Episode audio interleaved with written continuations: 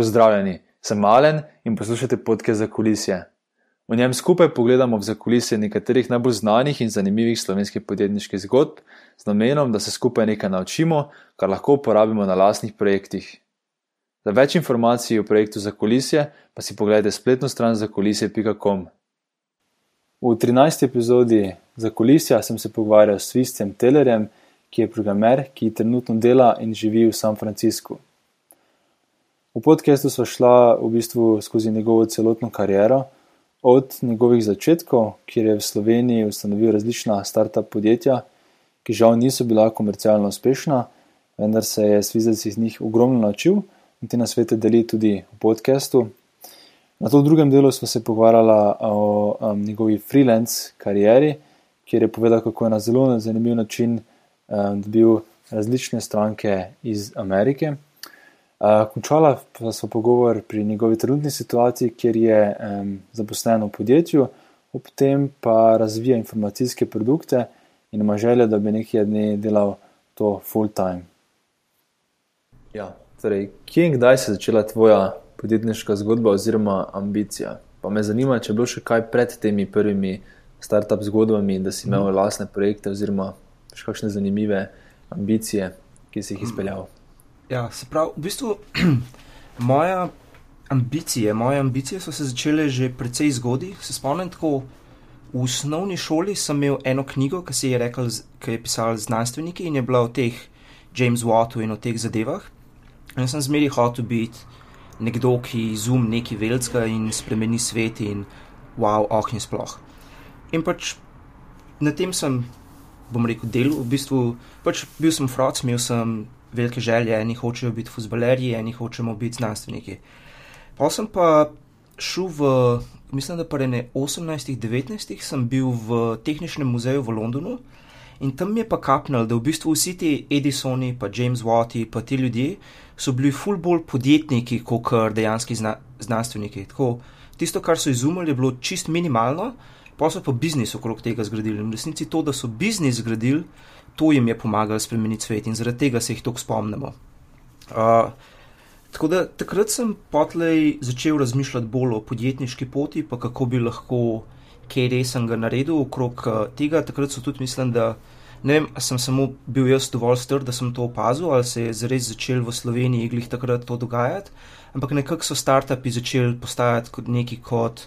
Veliko se je govorilo o startupih na internetu in veliko je bilo, lahko narediš startup, pač pustiš službo, dobiš full investicije, ljudje vržejo denar vate in potem narediš veliko firmo in si bogat in slaven in je vse osem in zakon. Um, in takrat sem potlej res. Takrat sem v resnici delal za eno spletno agencijo, to je bilo še tako nekje na prelomu srednje šole in faksa. Uh, sem pač kucal kodo za neko spletno agencijo v Sloveniji in takrat sem potlej res začel delati znotraj agencije, v bistvu na velikih lastnih projektih, kjer smo, sem bil skoraj kot da co-founder na ločenem projektu, ki smo ga delali poleg vseh agencijskih stvari.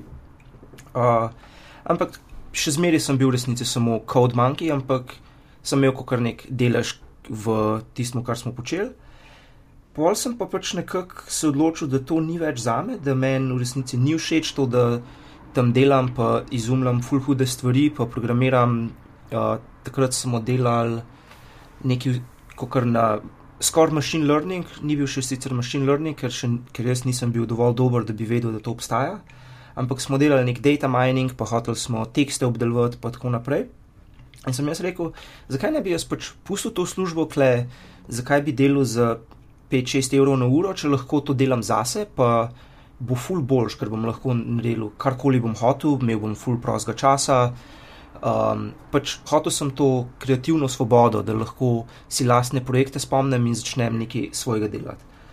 In sem pol v bistvu uh, pustil tisto službo v agenciji in sem začel delati kot pameten Twitter klient. Takrat je glih Twitter rado ful popularen in jaz sem videl nek, neko potrebo po nečem, kar bi na mesto mene gledalo internet in ga kuriralo in uh, ugotovilo, kaj je meni všeč. Uh, in sem začel, začel na tem delati, potem je to prek Hekovnika zrastel v dejanski startup, kjer smo uh, kjer so mi oni pomagali, pač so me učili, kako se dela startupe, kako vodiš biznis, kako iščeš investicije, take zadeve. Uh, sem si najdel co-founderje, v končni fazi smo imeli, tako na višku smo imeli tudi kvazi zaposlene.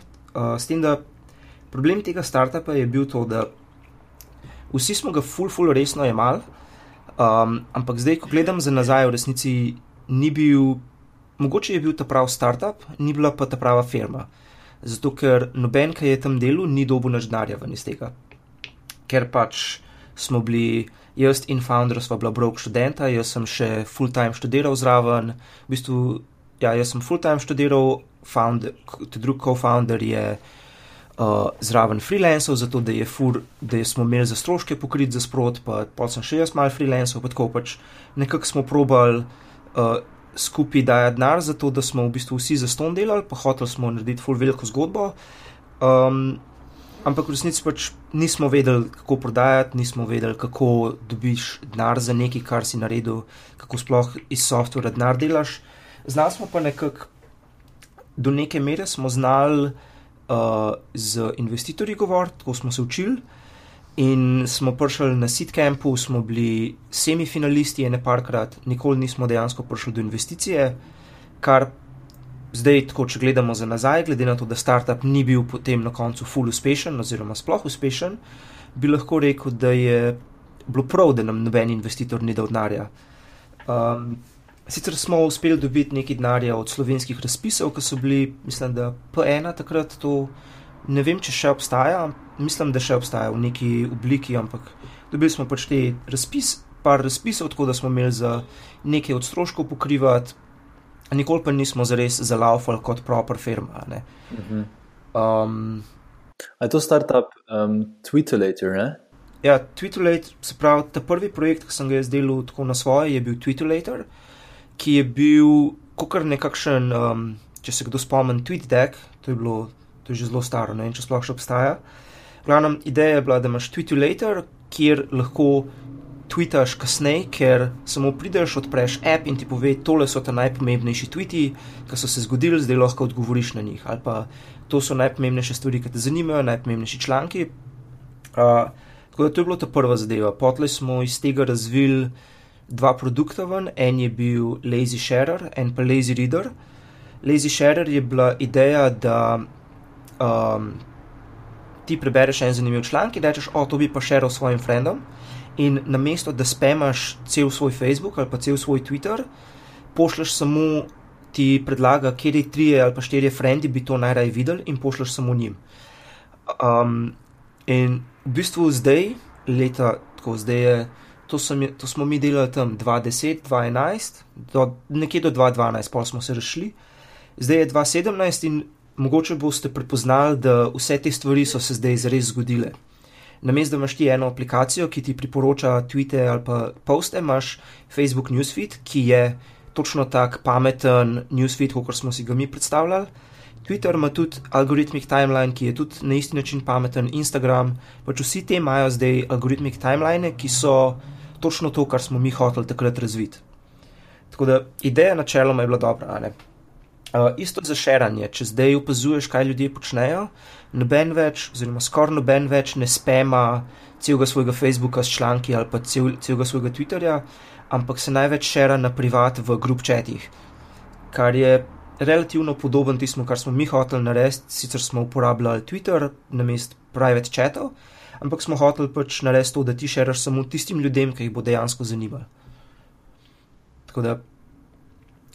Um, pač ni nam rad ali narediti firme iz tega, ni nam rad ali narediti super produkta.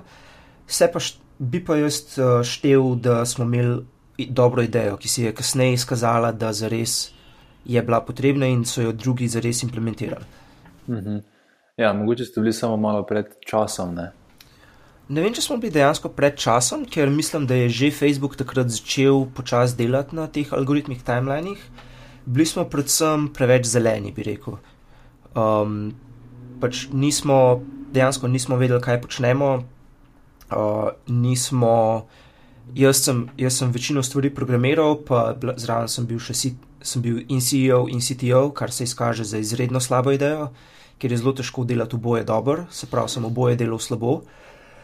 Um, mislim, že to je zelo slab znak za podjetnika, če ne plačuješ svojih zaposlenih in jim rečeš, le, dobiš full velik delež in boš bogat čez nekaj let, ampak sorry, zdaj ti pa ne morem dati naš denarja. To je načeloma izredno slabo za podjetnika. Um, pač po mojem, smo bili malo prezeleni in na tehničnem področju, in na področju samega podjetništva. Je pa zanimivo, da takrat smo z prvim, se pravi, Hekovnik je takrat začel organizirati kot ekspedicije v Ameriko, kjer zberajo gručo founderjev iz slovenskega prostora in jih peljejo v Ameriko in ti tam mal pomagajo, pa predvsem ti dajo tako dva tedna, kjer si ti vzameš čas in res govoriš z vsemi v Silicijevi dolini. In kar se meni zdi, da je bil zelo dober, pozitiven znak, je, da smo mi v, takrat smo v tistih dveh tednih prišli od tega, da smo spoznali ene investitorje, do tega, da so oni verbalno se komitali, da nam bojo, da bojo vodili prvo rundo. Um, kar je v bistvu zelo velik dosežek. Sam smo ga potli izpustili skozi prste, ker smo bili pač, oziroma ker sem bil jaz mlad pa neumen. Um, izkaže se, da če ti nekdo v Ameriki reče, lej, če spraviš skupaj rundo, ti dam denar, pa bom bil ta glavni investitor v tej rundi. Na, stvar, ki je potem napačna za narediti, je, da greš nazaj v Slovenijo in probaš to iz Slovenije narediti. Kar bi mi mogli takrat narediti, je, da bi ostal še par mesecev v Ameriki, pa še naprej haslal, pa pušal in bi verjetno lahko dejansko kaj pametnega naredili iz tega. Tako je pa pač vse šlo nekako pogobe. Ker, ne vem, po eni strani nismo bili dovolj pogumni, po eni strani si nismo mislili, da nam lahko rata. Hkrati smo bili pa pač brok študentje in je bilo tako, le jaz si ne morem prvoščiti še tri mesece ostati v Ameriki, tako da grem pač nazaj domov, živeti v stanovanju od mame, pa jesti njeno hrano iz hladilnika. Uh -huh, uh -huh.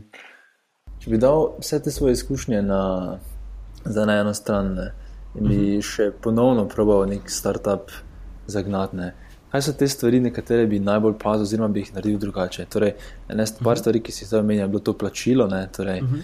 plačilo zaposlenim in potem, da nisi znali prodajati in ja. podobno. Veš, kaj so te stvari, ki si se jih naučil? Uh,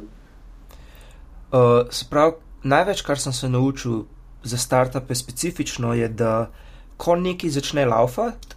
Uh, se ne ustrašati, pa iti stran, ampak takrat moraš še več benzina politi na ogen. Če dobiš nekaj čist malo trekšna, sam pušaj, pa sam delaj.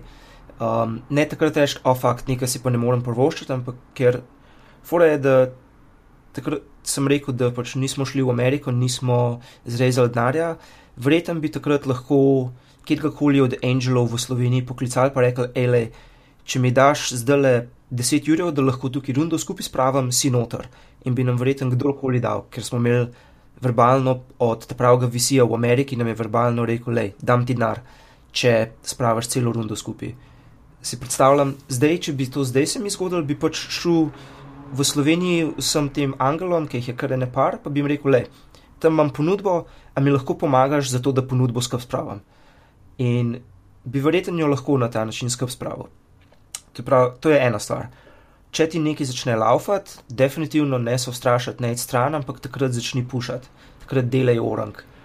Um, druga stvar je pa, pač, če si ta glavni, če, če ustanoviš firmo, zaposleni zmeri morajo dobiti plačo. Pač, mi, ker smo zaposlovali samo študente, pa ker smo imeli samo ljudi, ki so bili glih tok, mladi pa numni, kot mi, nam je nekako ratalo, da smo par mesecev, eno leto imeli ljudi, ki so delali za ston, ampak končni fazi smo, mislim, da čisto vsi, ki smo delali v tisti firmi, burnoutali in šli stran, in uh, so bile tudi zamere, pa zdaj smo sicer spet vsi frendi, pa je vse kul, cool, ampak takrat mislim, da je bilo kar dost zamer med in founderji in zaposlenimi in pač uh, it was bad. Ampak se naučiš iz tega. Glavnem, tudi če ti sebe ne plačuješ, zaposleni zmeri morajo dobiti svoj denar, ker delajo za te, ti dajo zaupanje, verjamejo vate, da ti bo rad ali zgodbo izpeljati. Tako da naj, najmanj, kar lahko narediš, je, da jih pošteno plačaš, tako kot si se zmenil. In pač to tudi pomeni, da se ne zmeniš tako, da, jih, da je del, del dogovora to, da niso plačani. Tega ne bi več nikoli naredil. Aha, torej, če prav razumem, vi ste tudi izven founding tima ja. uh, ljudem potem dali equity v zameno za plačilo. Tako je. To, pač bili smo či, zelo, vsaj jaz osebno sem takrat čist verjel v vsta startup Kool-Aid, ki je bil po internetih in pač, ja, valjda, le. Zdaj, zdaj, ko smo mladi, moramo, um, kot je Paul Graham je v enem eseju napisal, da ko si mlad, pa ko začneš startup, je ideja, da ti delaš desetkrat več kot poprečen človek, zato ker boš celo 50-letno kariero spravil v pet let startupa, potle boš pa made it in ti nikoli več ne bo treba delati. Sam to je ful lepo za investitorje, to je zelo dobra zgodba za investitorje, ker njihov, v njihovem interesu je to, da vse firme, v kateri investirajo, da jih devet propade, ena pa ful uspe.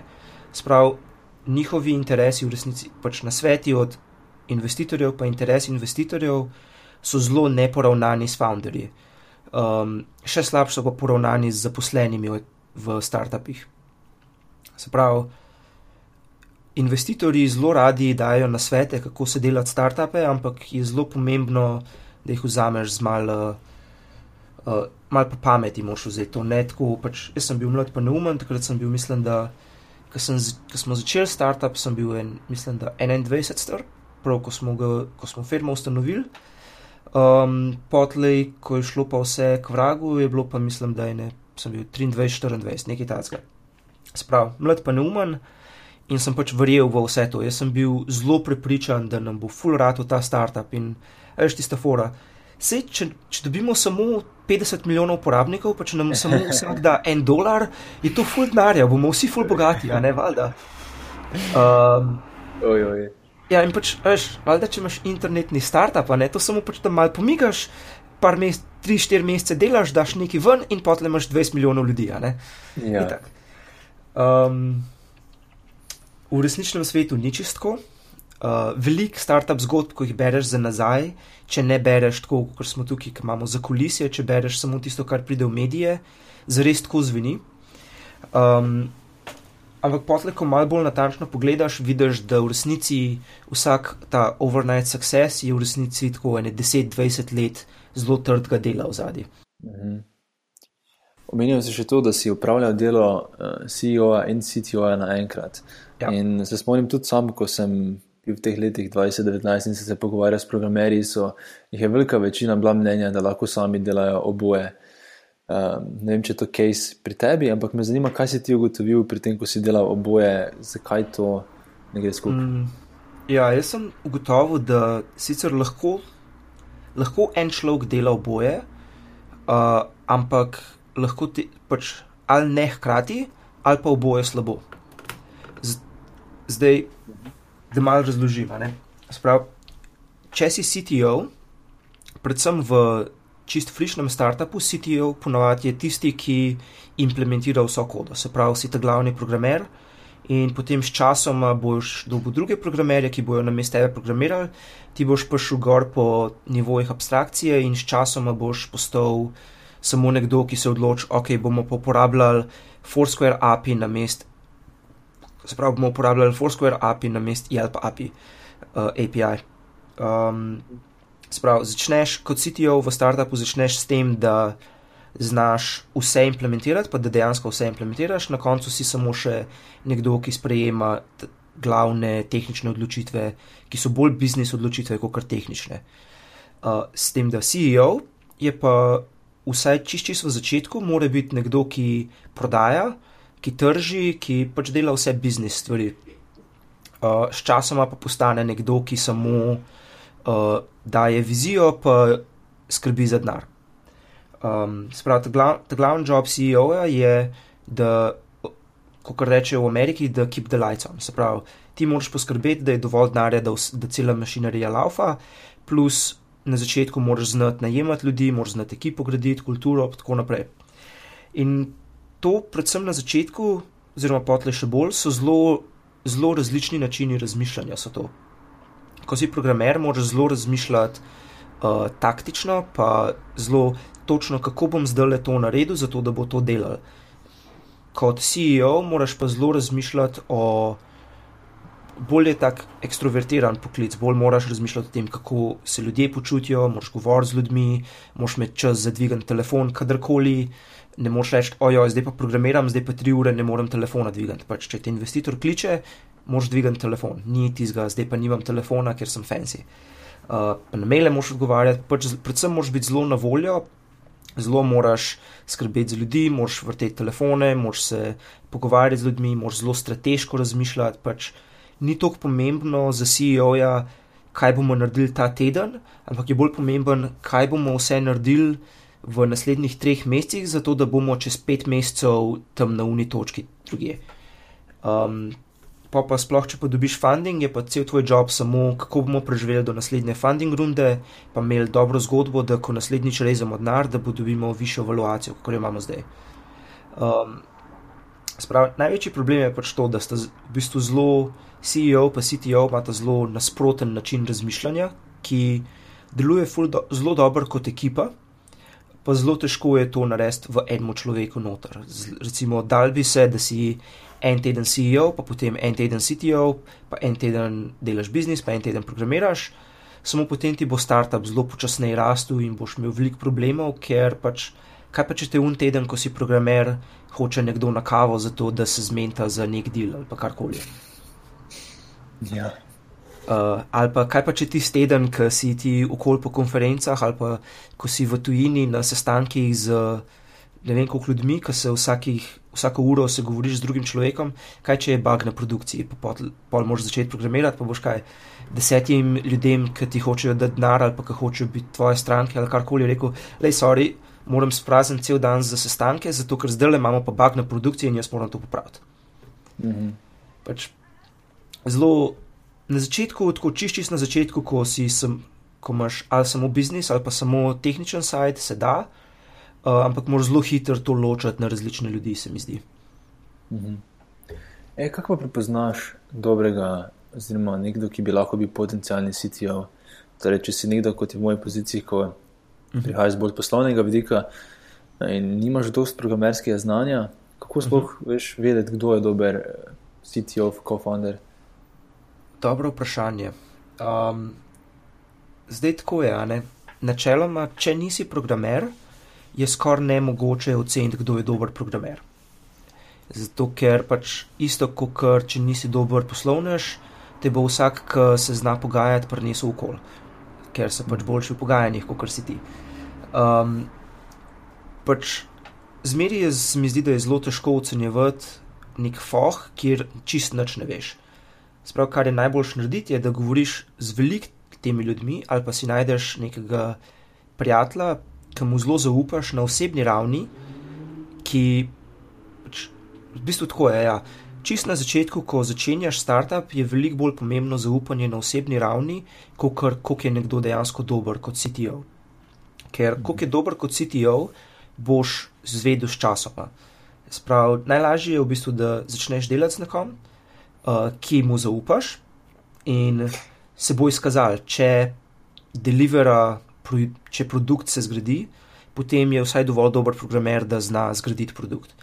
Če ta produkt potem vam uspe še v produkciji laufati, pa da ni preveč bagov, pa da lahko ljudje ga uporabljajo, brez da bi si trgali lase ven, ker nič ne dela, potem je tudi nekak soliden programer, ki zna vzdrževati stvari. Um, ampak mislim, da drugega, kot to, da začneš delati z nekom, se ne da. Um, recimo, en na svet, ki sem ga enkrat slišal za kako najemati ljudi na splošno, je, da pač najameš tri ali pa štiri ljudi in potem po enem ali pa dveh, mesecu, dveh mesecih odpustiš vse razen enega. Tako sem recimo jaz dobil svojega trenutnega editorja za tekste, ki ga uporabljam, ki dela v skupaj zdaj že dve leti. Mhm. Zdaj um, si dal nek freelance glas in si prav s tremi, štirimi ja. različnimi. In, ja, in sem štiri hkrati najel uh, sem vsem poslal iste tekste, pač kadar sem nekaj napisal, sem poslal vsem štirim in potem so mi oni poeditirali in s časoma se je izkazal, s katerim najlažje delam.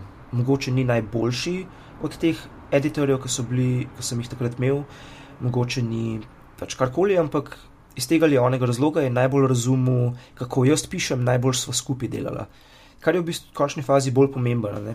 sploh če si v startupu, to uh, veliko ljudi rado da primerjavo, da če si co-founder z nekom, je to isto, kot če bi se poročil.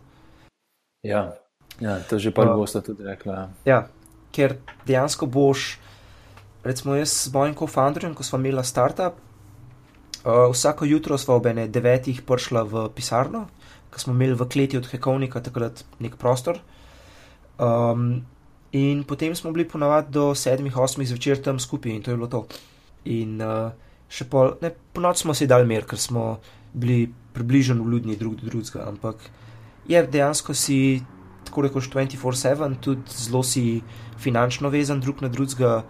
Uh, si, re, res je, si isto, kot če si poročen, samo mogoče pravno, formalno, malo bolj definiran, če se pametno lotaš.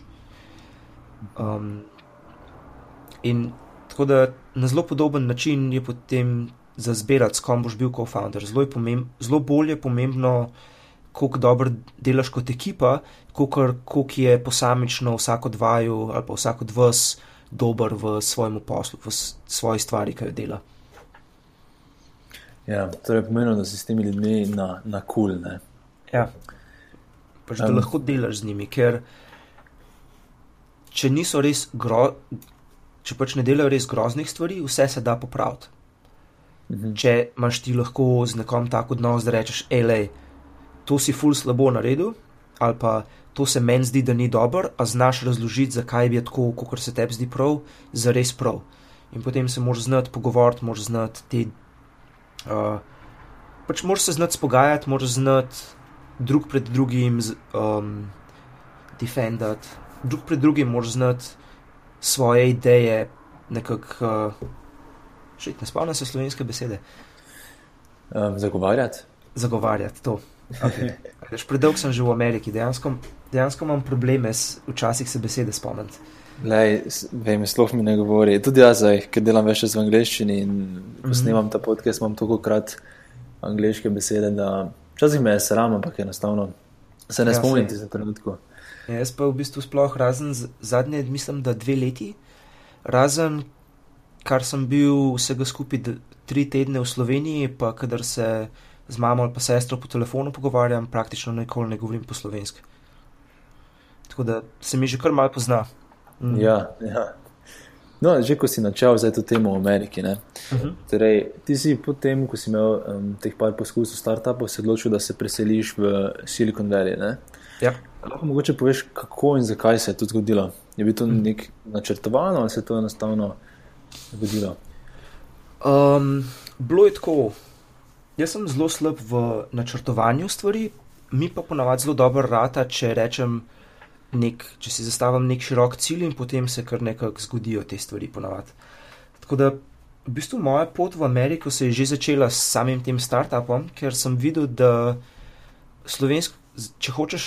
Kot sem takrat rekel, kot sem na začetku rekel, hočemo imeti 50 milijonov, 100 milijonov uporabnikov in pač slovenski trg je obvisli mečken premehan za to.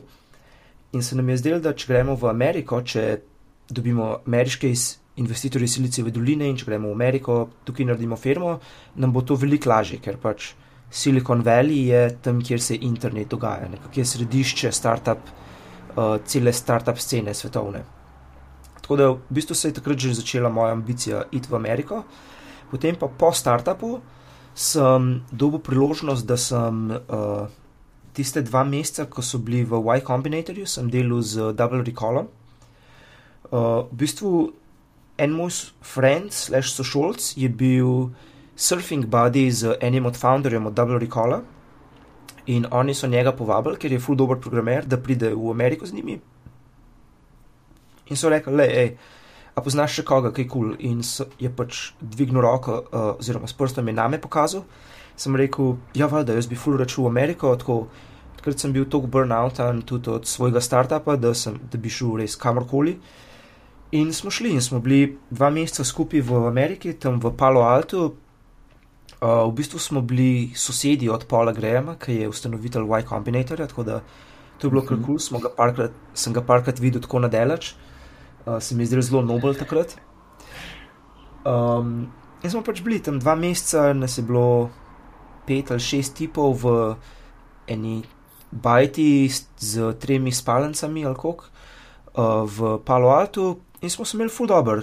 Takrat, takrat se je to meni zdelo kot najbolj sproščujoča stvar na svetu, da sem lahko, namesto da se frustriram, pa se kiram za cel lasten startup, sem samo, vse kar sem rabo je, da sem se zjutraj ob 9-10 usedel za svojo mizo, začel programirati tisto, kar smo se zmenili, in potem sem to delal tam nekje do 8-9 zvečer, kar zveni kot full velik dela.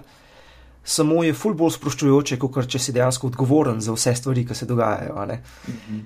Um, tako da iz tega stališča mi je bilo zelo fajn. Tako, in sem š, pač to počel in je bilo full dobro, po, po teh dveh mesecih sem pa rekel, da uh, pač jaz moram iti domov faks končati. In sem šel nazaj v Slovenijo za takrat za eno leto, ne, v bistvu še več, za par let. Sem šel nazaj v Slovenijo in sem rekel, da jaz bom zdaj to leto se full posvetil faksu. Če mi pa to leto ne rata, bom pa pač pustil vse skupaj in bom se posvetil samo freelancanju. Ker sem vmes uh, takrat je moj blog začel malo rasti bolj, pa je, sem dobil ful pozornosti iz tujine in sem se v bistvu osredotočil na to, da sem freelancer samo za startupe v Silicijevi dolini. Mhm. Mm, tako da sem ful navezval v bistvu ta stik, pa se učil, kako Silicijeva dolina sploh deluje, pa uh, kako se. Kako vzpostavljati te stike, pa kako govoriti z ljudmi, na, ka, na kakšen način razmišljajo, in vse te zadeve. Sem zelo, tako nekako v bistvu z osmozo sem se to vse naučil, uh, do neke mere, v bistvu še zdaj ne vem, koliko mi gre dobro, ampak ok. In sem potem to pač potlej dejansko na koncu pustil faks, ki mi ni ratal v tistem enem letu končati. In pa sem freelancer za tujino, za Ameriko, in potem mislim, da eno leto, leto, mogoče dve leti zatem, ko sem začel freelancati full time, je pa pač en, ena moja stranka, me predstavlja svojemu frendu, ki je pa glih začel svoj prvi startup. In on je rekel, ok, le, jaz se grem kle resen startup, jaz sem uložil svoj lasten, mil, svojih lastnih milijon dolarjev v ta startup, uh, nimamo nobenih drugih investitorjev in kle ta moj friend pravi, da si ti full dober programer za neko normalno ceno. Uh, Meni se je zdelo, da sem full velik zaračunal, njemu se je verjetno zdelo tako, o zakon, dobil sem praktično zaston človeka, ki ima deset let izkušenj v programiranju. Um, ampak pač v končni fazi, kar je važno, je, da sta oba dva zadovoljna. Unka prodaja storitev in unka kupuje storitev, če sta oba dva zadovoljna, je super.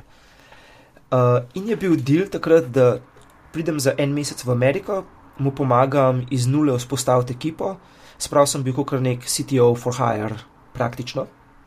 Uh, ker sem bil pač freelancer, uh, nisem, nisem dobil nobenega deleža v tej firmi. Um, In smo pač dejansko smo v tistem enem mesecu, smo iz ekipe programerjev izluščili, ker je dva sta dejansko kul, cool, da delata naprej z njim, um, ker je dejansko naredil to, da je nas je najel, mislim, da pet programerjev, od tega so v tistem enem mesecu sta dva ven padla, ker nista bila dovolj v redu. uh, in smo v enem mesecu launchali produkt, MVP, in je bilo super. In pa sem jaz rekel, ok, le zdaj je moj, moj en mesec je konc. Jaz sem zmenjen s frendom že pol leta, da greva na road trip po Evropi. In sem šel nazaj v Evropo in sem se eno, en mesec vozil okoli Evrope in je bilo ful dobro. Ful sem užival, ampak sem bil tako, kaj naj jaz zdaj naredim? Tisto v Ameriki je bilo dejansko ful, ful zakon, pa ful je bilo v ta pravo smer. Uh, hkrati sem imel pa job offer za Shopify v Kanadi. Se pravi, je bilo tako, da aprila aprila ali maja sem dobil job offer iz, od Shopifyja, da, grem, da se preselim v Kanado in tam delam za njih klasično en, semi-enterprise oziroma late stage startup, boš kucal kodo in boš se imel fajn in kleti bomo dali denar in bla bla bla. Sem bil že vse zmenjen, ampak takrat uh, se je nekaj zakompliciralo z vizami oziroma ne vem točno, kako delajo v Kanadi in je bilo tako, le, šele septembra ali oktobra boš dobil vizo, do takrat deli kar hočeš. In sem za tiste dva meseca rekel, ok, en mesec gremo v Ameriko delati s tem, novim startupom od tega modela. Uh, en mesec grem pa potovati okrog po Evropi, potem bom pa, I guess, začel delati za Shopify. In potem septembra še ni bilo vize, uh, ker glih takrat, tako, fulno ključno, ampak glih takrat je neka ogromna banka v Kanadi imela škandal, da so golfali z študentskimi vizami in da so ful tako par tisoč inter zaposlenih najeli na kao internship vizah in je Kanada za nedoločen čas frizala vse vize. Sprav, dokler mi tega ne pogruntamo, noben ne dobi vize. Ni važno, v kakšnem postopku si, ni važno, za koga si, ne bo viz. In me pač ta model od start, za startup v Ameriki rekel, le. Nam v bistvu še zmeri gre, še zmeri pač kles delamo te stvari, a bi ti prišel nazaj, ne? mi te v bistvu še zmeri rabimo, dejansko si bil najboljši programer, ki smo jih imeli, ker jaz sem imel takrat res dejansko že nekih deset, več kot deset let izkušen v programiranju, ker sem pač en unih čudakov, ki je v osnovni šoli v tretjem razredu začel programirati. Um, vsi ostali so bili pa pač frišni iz Stanforda, mogoče par let študentskih izkušenj programiranja. Noben še ni dejansko resnega produkta naredil ali pa resno karkoli lavo v produkciji. Sem rekel, ja, ok, le, pridem nazaj k vam. Uh, in sem šel na turist viziji za tri mesece k njim, sem tam delal, enkrat vmes mi je Shopify rekel, hej, hello, mi imamo zdaj vizo, sem rekel, ah, sorry, my situation has changed, ne morem več vize, ne, ne bi rad več prišel k vam delati. In uh, pač v resnici sem zmeri hotel iti v Silicijevo dolino in Kanada je bila pa tako, ok, pač ni Silicijeva dolina, ampak sem pa vsaj v tujini, nisem v Sloveniji. Ja, second best. Um, In sem pač delal pri njih, potlej, v bistvu so bili moj, oni moj edini freelancing klient, še zmeraj sem bil kontraktor, ker pač nisem imel, nisem imel delovnih viz, ni bilo vse to poštiman. Uh, in sem pač bil tam na turistični vizi, pa sem šel nazaj v Slovenijo za tri mesece, pa sem neki mal na remote delu, kot se je dal. Ne zelo velik, ampak nekako smo pa prišli na ta režim, da sem se ene parkrat preselil k njim za tri mesece, potle nazaj v Slovenijo za tri mesece, pa tako sem mal fural se sem pa ke. Pa ko sem bil v Sloveniji, so bili oni še zmeri moj največji klient, samo sem zelo, sem veliko manj delal za njih, kot ko sem bil fizično klejane, uh, ker pač je tako prišel. Pole pa, pol sem pa si zrihtu biznis vizo za Ameriko. Biznis viza je pa pač še zmeri ti v resnici ne da dovoljenja za delati ti pa omogoča, da pol leta ostaneš v Ameriki. Um, in v bistvu sem to dobil na tak način, da sem rekel, da rabim šest mesecev iti v Silicijevo dolino, zato da raziskujem uh, iz kao, antropološkega vidika kulturo ameriških startupov, pa tega, ker sem takrat delal na uni knjigi Why Programmers Work at Night. Uh, In oni so bili res, ja, zgleda na internetu ta knjiga, če pogooglaš, se full velikrat pojav, dejansko zgleda, da to nekaj delaš, ok, ti damo biznis vizo. In sem na ta račun lahko prišel sem za pol leta, sem, se pres, sem prišel sem, je bilo super, pol je pa un startup, ki je bil moj, moja največja stranka, failo. Uh, takrat je, mi, mi smo delali, um, kako se reče, delali smo grocery delivery service. Se pravi, ideja je, da ti rečeš, le, vsak teden pojem 2 litra mleka, 5 kosov kruha, 3 jajca, tako naprej, in pač naš startup poskrbi, da se to vsak teden pojavi pred tvojimi vrati, zato da ti ni treba razmišljati o tem. In spet se je skazalo, da to je bila super ideja, zato ker. Tisto isto poletje, ko smo mi to delali, oziroma par mesecev kasneje, je launchal Google Shopping Express, uh, uh, pa Amazon Fresh je launchal, pa Safeway Delivery je launchal, pa mislim, da je Target takrat imel tudi delivery. Sprav, vse te ogromne firme, ki imajo milijarde dolarjev denarja, pa neskončno ful odličnih programerjev, so launchale basically isti produkt, kot smo ga mi delali. In je naš vendar bil, mogoče pa ni najbolj pametno se iti, se igrati na tem marketu, a ne. Uh, ker nismo dovolj veliki, da bi imeli sploh šanso. In je zaprl startup, oziroma so začeli delati na pivotu. Uh, jaz sem pa rekel, le, sorry, jaz si pač, ja, si ste full super, ampak za take denarje, ki mi jih zdaj ponujate, si jaz ne morem prvoščati biti freelancer za vas. In takrat sem si potem najdel random druge stranke iz Amerike, še zmer so bile, še zmer so bili startupi, še zmeraj sem targetiral frišne startupe. Uh, bilo je pa ful več, ful sem imel večji problem najdati dejansko uh, stranke, zato ker vmes, ko sem se full fokusiral, ko sem full padel v ta startup za grocery delivery, um, sem nehal tok blogati in nisem več, magično nisem več dobival ponudb na, uh, na maile, ker moj ta glaven način blog. Uh, freelancing je bil to, da pišeš članke na blog, pod spodaj daš link, ki piše: If you need a freelancer, email me. In tako sem dejansko dobil vse svoje stranke. Tako da nisem sploh vedel, kako dejansko iščeš stranke, če ne pridejo same k tebi. Sem bil čist zgubljen. Ja. Uh, tako pač čisto nasprotje od tega, kar je Tomaž govoril zanč, ne vem, je bilo to prejšnji teden ali kdaj. Uh, ja. pač v zadnjem podkastu, ki je govoril, da je full delo na e-lensu, pa je full delo na outreachu, pa je tako iskal stranke. Jaz sem bil zelo navajen, da stranke do mene pridejo, ne da jaz iščem stranke. Uh, in dejansko nisem vedel, kako si iskati stranke, tako da sem si najdel ne, ne najboljše stranke, ampak nekako dovolj, da sem se lahko izselil ven iz, te, iz tega startupa, ker del dela v startupu je bil, da so mi plačali tudi room and board. Se pravi, imeli smo uno, kot če bi gledal prvo sezono od Silicon Valley. Bili smo v Bajti, gor smo imeli dve spalnice, v katerih so živeli štirje ljudje. In dol v dnevni sobi smo imeli mize in pač headquarters od startupa. Uh, ene dva sta delali na kavčih, ker nismo imeli dovolj miz pa prostora, ostali smo delali na mizah, vsi smo si skupaj kosilo kuhali, pa večerjo. Pa mislim, da ta prvi mesec ali dva meseca smo kadili travo dobesedno vsak večer skupaj. Um, tako da je bilo zelo kul, cool, no, zelo. Recimo, jaz ne gledam Silicon Valley šova, ker je, kot bi američani rekli, it hits too close to home. Pač zmeri karkoli je tam, se mi zdi, kot da se to specifično iz mene zabavajo, ker je zelo, zelo podoben vse skupaj.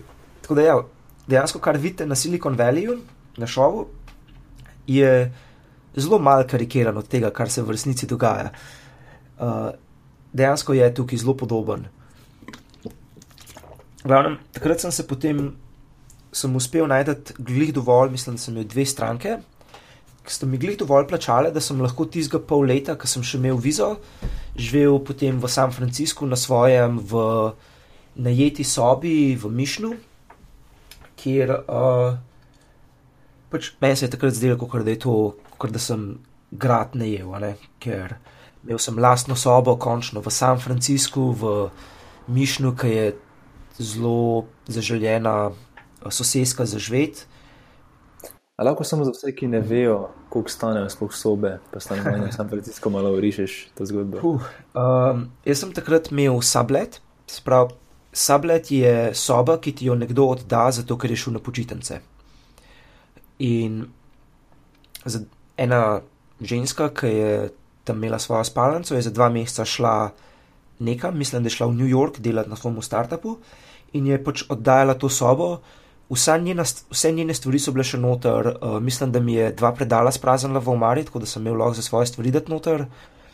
Uh, njene rjuhe sem uporabljal na pojstli, pač vse njene stvari so bile okoli, vsi okraski. Pač, kot če si predstavljaš, kako izgleda tipična soba od ene, ne vem, 25 letence, v taki sobi sem živel noter. In zato, za ta privilegij sem plačal 1800 dolarjev na mesec. Um, kar takrat je bilo to dokaj normalno, ker je bil glih, to je bilo dve, dve, dve ne, tri leta nazaj, je bil glih višek tega rental marketa v Ameriki, zdaj je šlo pa že zelo dol. Recimo, glih, uh, zdaj imamo spunco, kle one bedroom in nam je glih ratal se spogajati, da so nam spustili najemnino za 7%, kar je full. Um, pač, tako, do letos je bilo sploh nezaslišano, da bi ti kdo spustil najemnino. Si se lahko pogajal samo, koliko ti bojo dvignili. In tako da zdaj za nekih 50 kvadratov za eno spalnico plačuje v 3200 na mesec. Tako da tako, tako približno stanejo te zadeve v, Ameriki, v San Franciscu, ne v Ameriki. V Ameriki je, je cenej. Uh, San Francisco je, mislim, da ene dve leti nazaj je premagal New York po tem, da ima najdražje najemnine na, v celi Ameriki.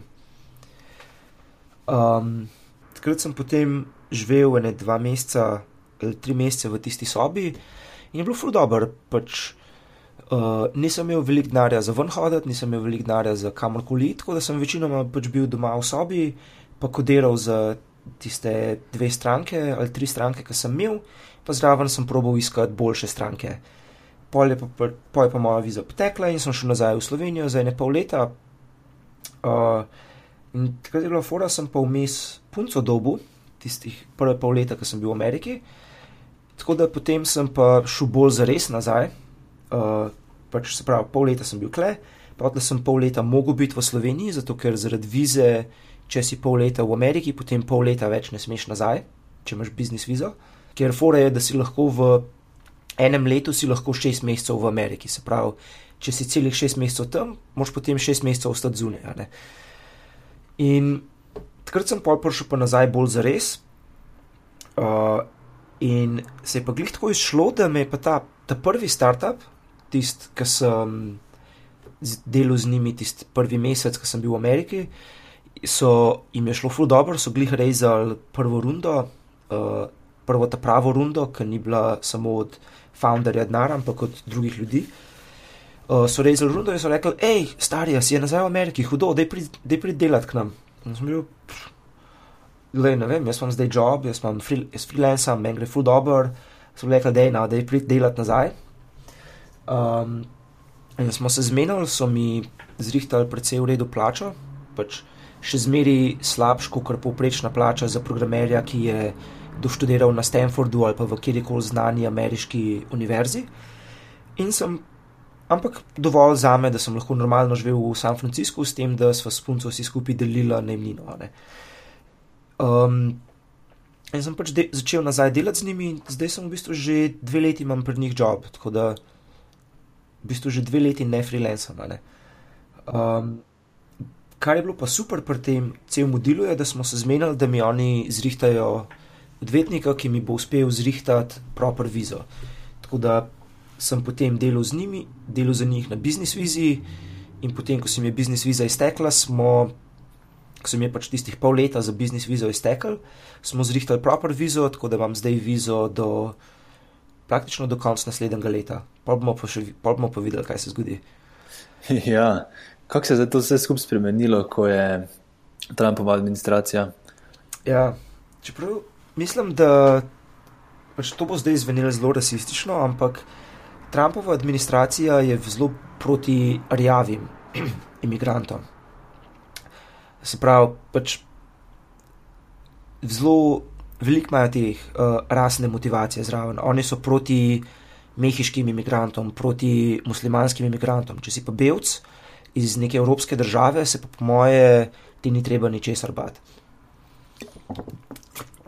tako tudi na meji so čist prijazni, glih. Zdaj, kaj dva meseca nazaj sem prišel nazaj v Ameriko, so bili super prijazni, so klepetali z mano, zelo friendly, pa so rekli: Welcome back in tako naprej. Pač, če zgledaš, kot da si, če, pač, če si belc, nimaš nobenih problemov. Um, ampak Trump je itak zelo čuden, tako da nikoli ne veš, kaj se bo še zgodilo. Sam upam, da zato, ker je njegova žena slovenka, da bojo vsaj nas pustili prvi. ja, upamo, da bo vsaj ta joker. Ja, vsaj to, a ne.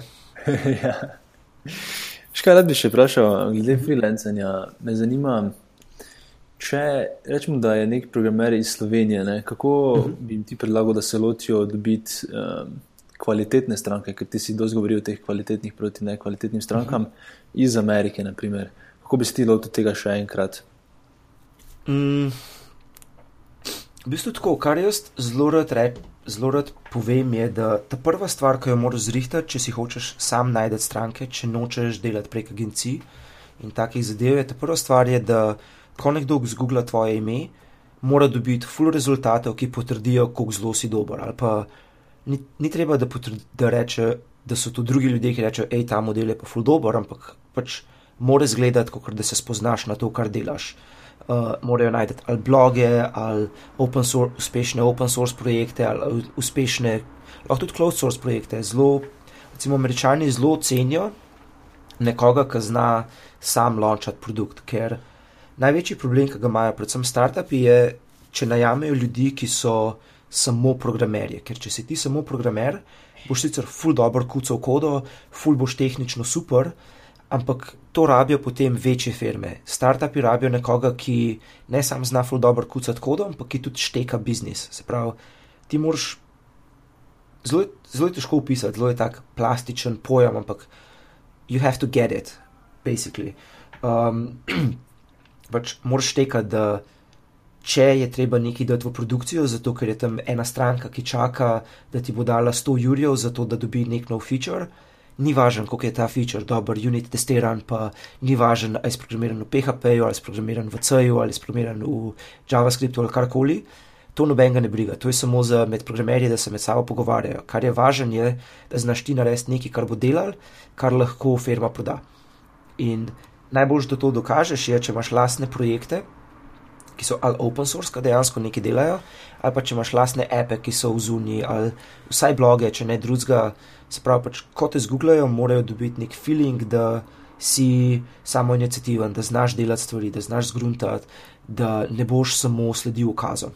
Ker največ, tudi zdaj, ker recimo mi na firmi najemamo ljudi iz tujine kot freelancerje, ker pač imamo premalo programerjev, pa jih ne najdemo dovolj kle v Ameriki, potem najemamo iz, malo iz tujine, uh, tako za vmes, dokler ne najdemo dovolj v Ameriki ljudi.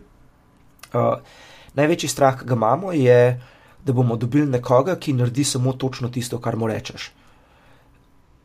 Ker kar ti kot business owner ali pa kot nekdo v startupu rabiš, je nekdo, ki, bo, ki te bo razumel, da ti rečeš, le, mi hočemo to doseči in boš pač jaz hočem, da kot uporabnik, da lahko, ne vem, šeram to zadevo na Twitter, recimo. In da boš ti kot programer znal reči, aha, ok, se pravi, to rabiš šerati, a bi mogoče rabili, da šeramo tudi na Facebook, pa na Instagram, bi bilo to uporabno, pa da predlagaš, to lahko naredimo na tak način, pa bo trajal en teden, lahko naredimo na tak način, pa bo ful slabo, pa bomo mogli popraviti, ampak lahko damo ven v dveh dneh. Ali pa če, ali pa misli, meni se zdi, kot da bo to ful pomembna biznis, zelo pomemben core value, se pravi, se mi zdi, da bi bilo dobro en mesec porabiti na tem, pa narediti res dober. In pač to rabijo, ne rabijo nekoga, ki mu lahko fazi requirements povejo in on to spremeni, oziroma ona, pač programer to spremeni v nek non-fazi language, ki ga lahko računalnik razume. Strah je pa zmeri, da boš dobil nekoga, ki mu rečeš, lej, klele imamo eno črko preveč, ali lahko to popraviš in bo on popravil točno samo tisto črko, ne bo pa opazil, da je še na petih drugih mestih po celem sajtu ta ista črka narobe. Mhm. Um, tako pač. Ne vem, če sem to dobro razložil. Popolnoma, ja, ja, popolnoma razumem. Tudi mi na IDEO, mislim, to je ena stvari, ki me je fascinirala, je, koliko dejansko klient pride tebi in tudi ne ve točno, ve, kaj želi, da je končni cilj, ampak on je tebe najel, ker ne ve točno, kako pride tja. Ne? Zdaj je ja. to tvoja naloga, da poveš. Mogoče pa to ni najboljša ideja. Ne? Mi dosti krat pač neke stvari ja. ne naredimo za klijente, ker enostavno ne, to ni najboljša ideja. Iz mhm. naših izkušenj je to boljše in da moramo tako narediti. Ne? In to pač ful stranke spoštujejo. Ja, sej, pač, ja, ti moraš biti pač strokovnjak, neka avtoriteta. Ne? Ker mhm. za nekega founderja je to ta prvi startup ali pa ta drugi startup. Oziroma, eden, te, pač, te prvi ali pa drugi projekt, ki ga dela, tak produkt. Ti kot freelancer si pa že videl 20 produktov, ker tudi če nisi bil cel cajt zraven, si jih videl, si videl, kako delajo. Se pravi, imaš full večji insight v to, kako se dela, kot nekdo, ki dejansko dela svojo stvar. Mhm. Še me zanima, ali najemate tudi freelancere iz kakšnih drugih področji ali samo software development? Um, v bistvu je zelo tako, mi, mm, sprav, da malo povemo zadnja, sploh kaj dela ta firma, ki sem zdaj zraven. Uh, pač firma se imenuje JAP, imamo tri letter domeno, kar se mi zdi full, full zakon.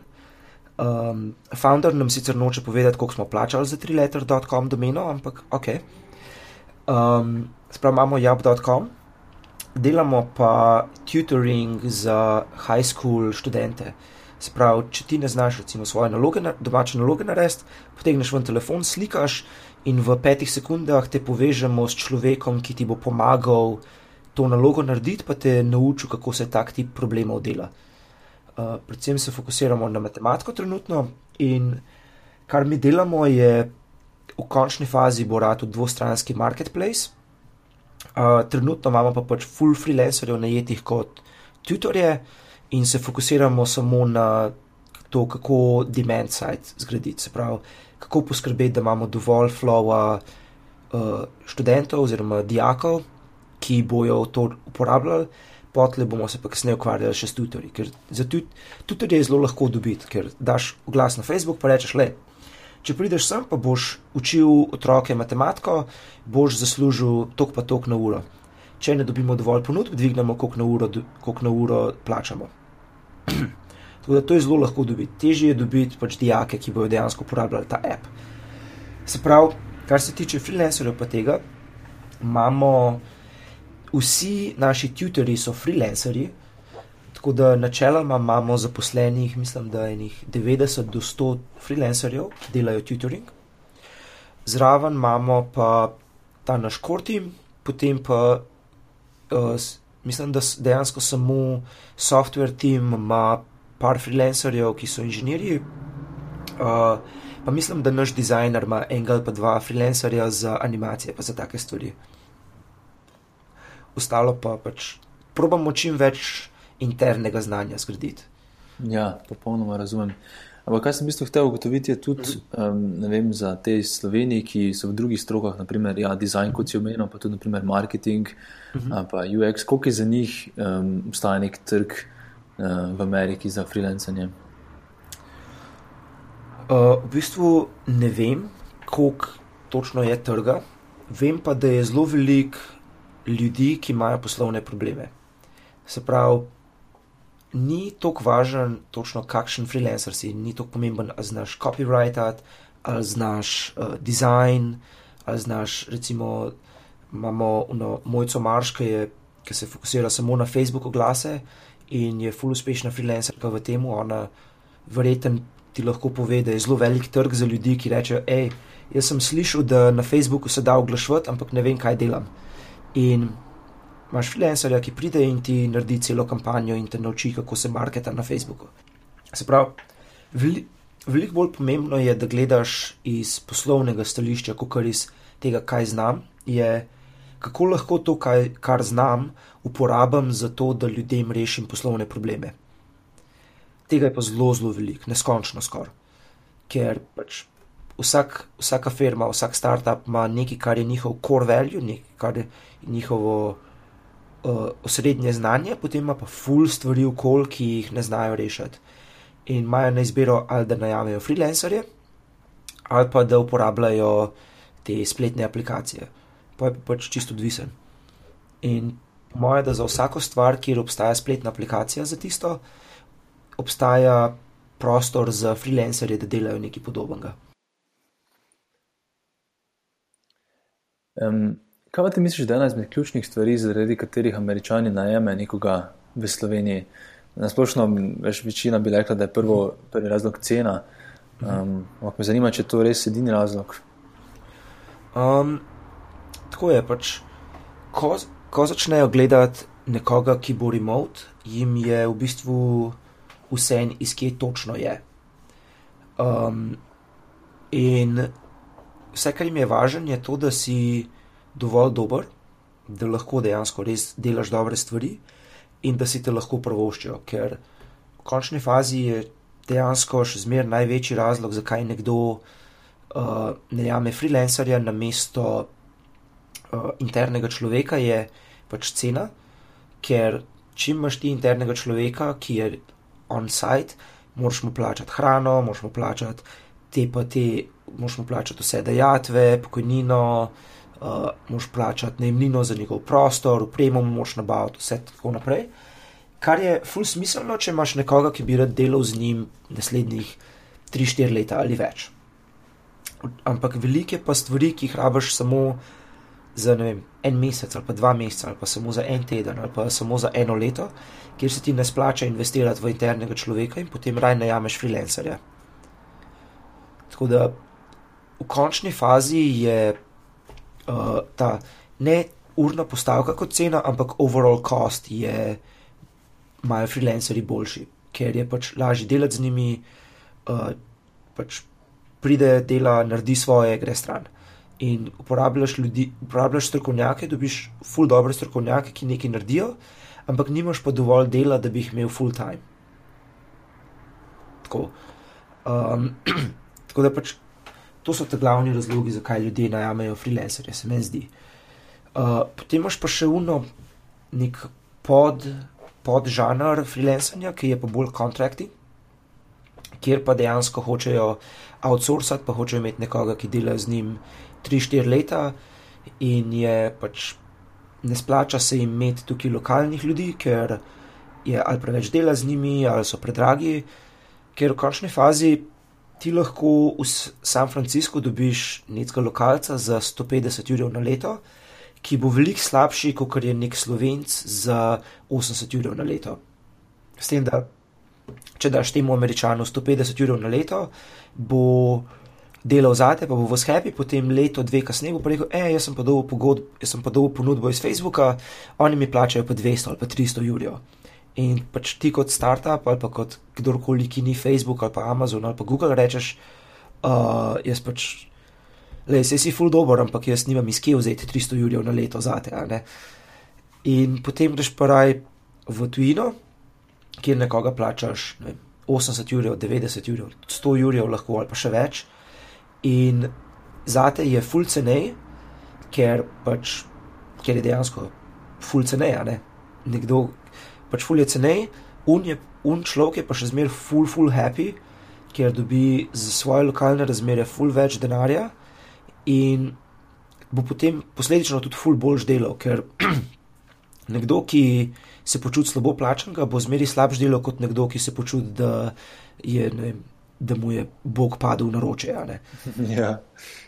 Um, in tudi dejansko so, pač, če gledaš za isto ceno, oziroma za manjšo ceno dobiš v Sloveniji ful boljše programerje kot kar tukaj, ker tle, če gledaš, je za nekoga, ki je doštudiral v tako rekoč tako imenovani proper univerzi, se pravi neki Ivy League ali kaj podobnega, je začetna postavka, začetna plača iz, iz faksa tako se začne pri 90-100 jurjev za software inženirje.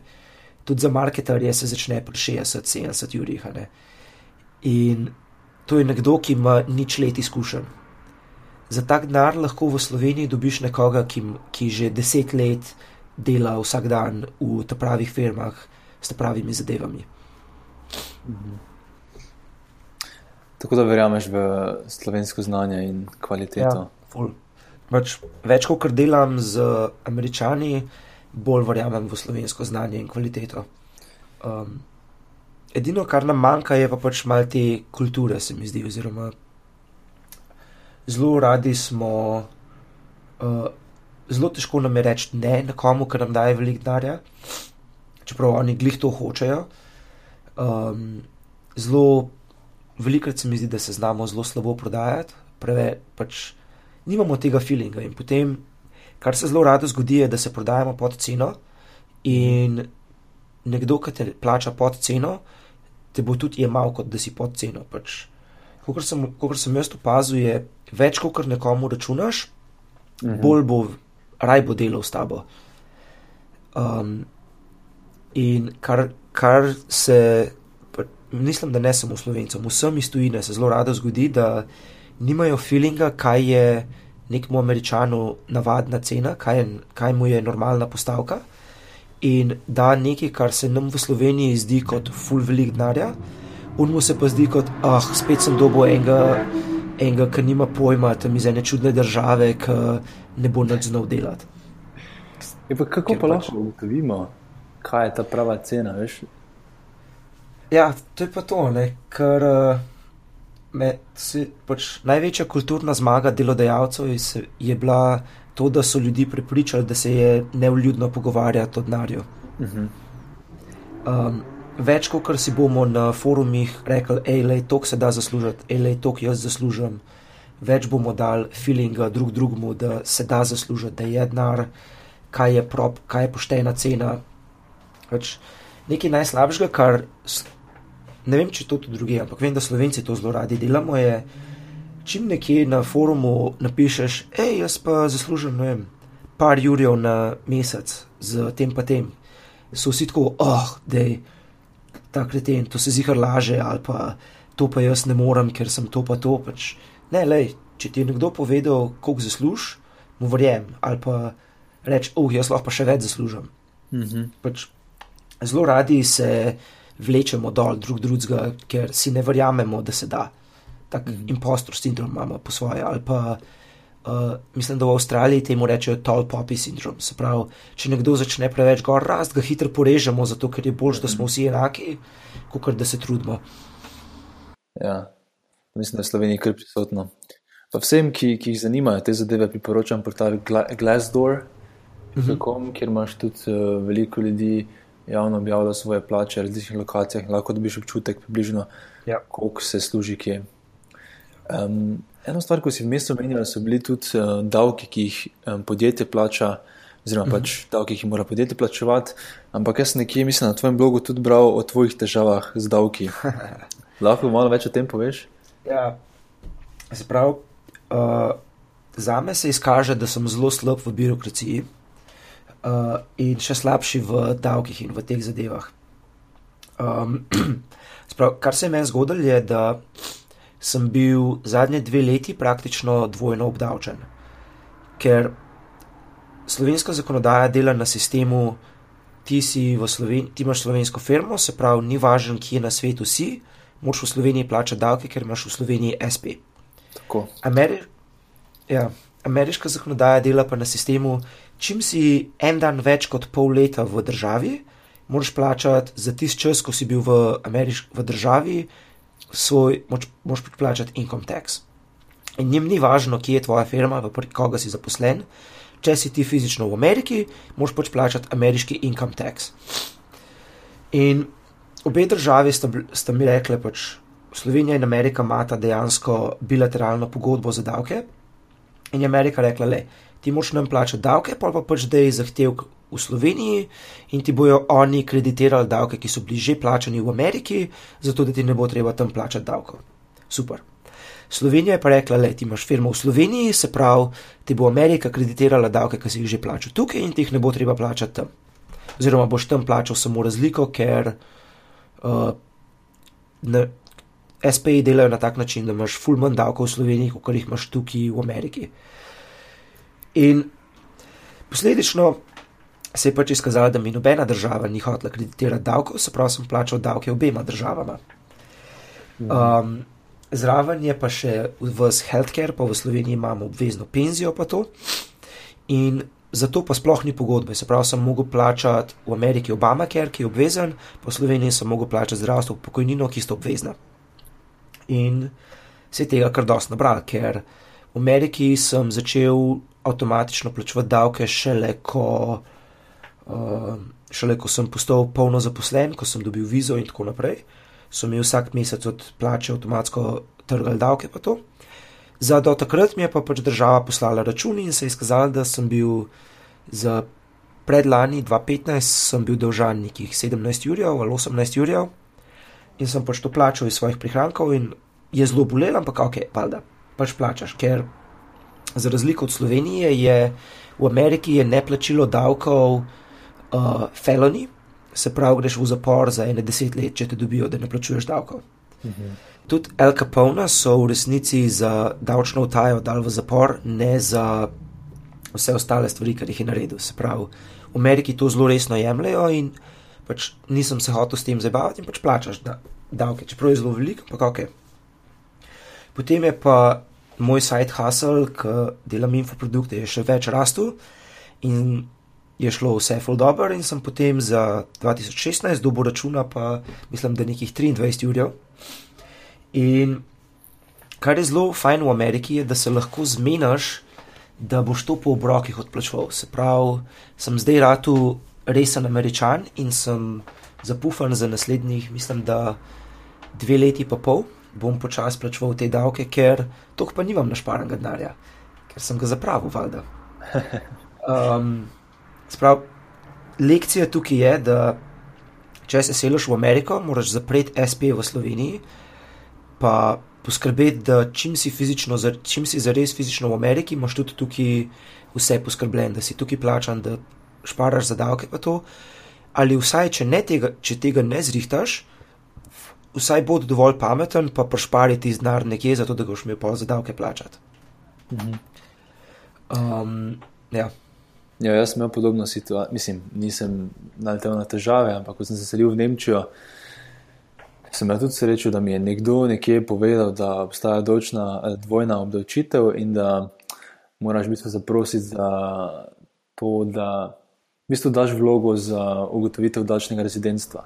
In takrat mhm. jaz, ker sem bil še študent in nisem imel nobenih niti premičnin, niti nepremičnin v Sloveniji, ni bil problem in sem dobil pač ugodeno, da uh, nisem več davčni rezident in potem plačujem za samo davke v Nemčiji. Ja, je pa tako, da če bi imel firma v Sloveniji, seveda mi tega ne bi ugodili in bi mogel plačati dvojne davke, ja. oziroma razliko, ki bi definitivno šla v slovenski, tudi torej v Sloveniji so večji davki in bi še tam moral plačevati. Mm. Pri meni je bilo še to zanimivo, da čim sem postal pravno formalno zaposlen v Ameriki, sem dal to vlogo za ugotovitev davčnega rezidentstva, ker to sem vedel, da to moram. Mhm. Um, in so potem tri mesece ali štiri mesece kasneje so mi poslali mail, hej, mi smo pa prejeli to tvojo vlogo, da nam ti pošlješ kakšne dokaze, da si res v Ameriki. Um, okay.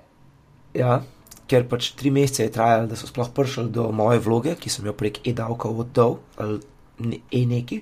Je uprava. Je uprava, ja.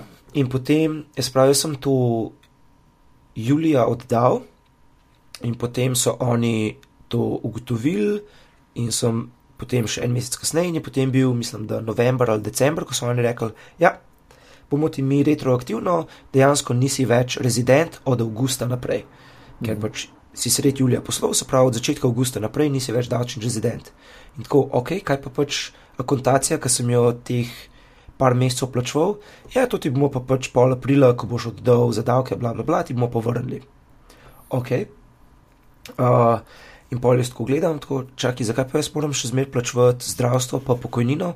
A ja, to je pa zato, ker imaš firmo v Sloveniji, ker če imaš firmo v Sloveniji, ni važno, ali si davčni rezident ali ne, čim firma obstaja, moraš plačevati minimalne uh, te prispevke za pokojnino, pa zdravstvo. Tako da potem sem se tega uspel še le letos, uh, mislim, da februarja znebiti, ker sem mogel fizičen kos papirja poslati v, Ameri v Slovenijo. In um, to je pa pač denar, ki gre puf, tega ti pa nikoli ne vrnejo. Mhm. Pač, si bil v sistemu, si mogel plačevati in to je to. Torej, če prav razumem, zdaj več nisi davčni rezident, imaš pa vedno uh, SP odprt v Sloveniji. Uh, SP sem mogel zapreti v Sloveniji, zato da ne plačujem zdravstva. Aha, ok. Ja. Uh, tako da zdaj nimam več nič v Sloveniji, nisem niti davčni rezident, ne nič. Imam samo pač, še zmeraj sem državljan, pa vsi moji papirji so slovenski, mi pa dejansko zdaj, ko imam nov pasuš, imam noter ameriški naslov v slovenskem pasušu. Mhm. Kar je zelo zanimivo. Ja, jaz imam tudi um, nemški naslov. Ampak je zanimivo, da tam so mi pod državo, so mi tako v slovenščini napisali Nemčija, da ja noben ne ja. more razumeti, eh, kot kje živim. Ja, meni tudi v, pašu, v pasušu piše Združene Amerike. Ja, ja. Združena Amerika ali nekaj takega. Ja. Okay. Gremo na naslednjo temo, mogoče bolj prijetno. Vmes sem začel uh, razlagati o infoproduktih. Uh -huh. Me zelo zanima. In sicer uh, Da, pa mogoče začeti s tem, kako si prišel sploh na to idejo in mogoče najprej za kakšen produkt sploh gre. Okay. Um, sprav, uh, zraven, poleg tega full-time joba, delam infoproducts, kjer je ideja, da inženirjem pomagam biti boljši inženirji. V, zdaj v štartu se fokusiram na specifične tehnologije in uh, imam eno knjigo, pa ene par sajtov, takih, ki pomagajo, recimo ESXChichi.com, ki je za ston, kjer se lahko ljudje na primerih učijo, kako, dela, kako pisati modern JavaScript. Pol imam knjigo React plus D3, kjer se učijo, uh, kjer te pač naučim, kako z Reactom pa z D3 narediti kul cool vizualizacije, pa lepe stvari na internetu, ki se premikajo, pa so interaktivne. Ampak overall goal je pa, da nekako poštudiram, kako svoje nabrano znanje, pa svoje izkušnje predati nekim novim ljudem ali pa ljudem, ki bi se radi učili ali pa ki bi pač radi radili boljši. Ker zelo veliko je inženirjev, ki so alfrišni, pa se morajo naučiti, pa se je zelo težko učiti iz random blogov, ki jih najdeš na internetu, pa zelo težko je random stack overflow brati in se dejansko nekaj pametnega naučiti. Veliko lažje je, če imaš nekoga, ki te dejansko vodi čez cel proces in ti razloži lepo na pedagoški način in ti pomaga. In to pač, to jaz ciljam, to jaz delam, ciljam na ta trg, kjer so pač bolj frišni inženirji ali pa ne, frišni inženirji ali pa inženirji, ki so že zelo izkušeni, pa bi se samo radi neko novo tehnologijo naučili v urci ali dveh, zato ker imajo nek produkt, nek projekt, ki ga morajo narediti, ali pa ki morajo samo oceniti, kako ta tehnologija dela, če je primerna sploh za njihov pro projekt. In to sem se nekako lotil že. Ta pot se je nekako začela že zelo dolgo nazaj, takrat, ko sem še full velik blogov, par, pred parimi leti, me je ena založba Pact, Pact Publishing kontaktirala in so rekli: hej, le, ti si pa objavil en, en blog o tem pa tem libraryju, o D3-ju, se pravi, si strokovnjak o D3-ju, a bi ti napisal knjigo za nas. In bil, ok, valjda, zmeri sem hotel knjigo napisati, gremo. In um, sem takrat napisal tisto knjigo za njih, pa je publishal, sem se pa naučil, da mi publisheri ful niso všeč. Uh, ker je težko delati z njimi, pa zelo malo denarja dobiš ven iz tega, ampak ok, knjiga se je prodajala, oni pravijo, da je bila full bestseller, jaz nimam nobenega feelinga, ker mi niso dali nobenega lepega grafika za pogledati, ali pa pač vsake tri mesece mi pošlje eno pošto, kjer piše, hej, v zadnjih teh mesecih se je prodalo toliko pa toliko teh knjig, klej tvojih par deset ali pa par sto dolarjev. Um, in pač to je bilo nekako začetek moje poti do infoproduktov. Kar mi je, všeč, kar mi je bilo pri tem všeč, je to, da sem takrat uložil čas pa voljo in potem, ker je produkcija to še naprej prodajala. Se pravi, mm. ko freelancaš, to nekako skala linearno s tem, koliko časa vložiš. Lahko malo pohekaš s tem, da dviguješ svojo postavko, ampak zmeri boš prišel do nekega glass ceilinga. Medtem ko s produkti, se produkti pa rastejo hitreje, kot kar linearno napram času, ko ga vložiš. Se pravi, če vložiš 10 ur, boš mogoče zaslužil to, kot če bi vložil 15 ur. Če vložiš 100 ur, boš mogoče zaslužil to, kot če bi vložil 1000 ur. In tako naprej. Um, to je nekako osnovna ideja. Mhm. In Potem me je pa v bistvu, takrat, tik preden sem se na zadnje preselil v Ameriko, se pravi, zdaj bo to že skoraj tri leta nazaj, me je pa en friend je rekel: Ele, jaz bi se rad naučil React, React je zdaj full no. Da ti napiš knjigo o Reactu pa D3, zato ker vem, da D3 si že napisal knjigo. In me je nekako challenge, če lahko jaz to knjigo napišem v dveh tednih. Sem jo dejansko potem končal v enem mesecu ker sem se mogel še valjda react načiti iz nule. In uh, potem smo, sem dal to knjigo ven, pa malo sem pohekal uh, nek landing page, pa malo se poigral z marketing kopijem, pa tako naprej, pa mailing listo začel delati, pa tako. In je dejansko šlo ful dobro. Takrat sem jo dal ven in sem, mislim, da v prvem mesecu zaslužil ne, dva ali tri ure dolarjev, in bilo tako, o, kul, cool, klepa nekaj je, ne. Uh mhm. -huh. In zdaj lekcija iz mojega prvega startupa, če ti nekaj začne iti, fura je še bolj. Uh -huh. In sem začel full časa v to vlagati. to je bila potem tudi delovna motivacija, zakaj sem si day job zrihtel, je, ker sem gotovo, da če delaš in freelancing in, um, in produktni uh, biznis hkrati, čeprav, sprav, če in freelancaš in hočeš delati produkte, v bistvu gradiš dva biznisa hkrati, kar je full velik dela, pa full velik manj share ti porab. -huh. Sem se zaradi tega rajšel v day job, kjer pač tam moram biti, tam moram biti priden, moram biti full produktiven, ampak ob šestih zvečer, ko grem domov, ne rabim več razmišljati o tem. So pač dnevi, ko imamo kakšen zelo pomemben deadline ali pa ko gre kaj narobe na produkciji, karkoli, to pač vada. Te job dobi priority zmeri, ker dejansko me plačujejo še zmeri nekih trikrat več ali pa štirikrat več, kot zaslužim z side hustlom. Se pravi, imajo priority. In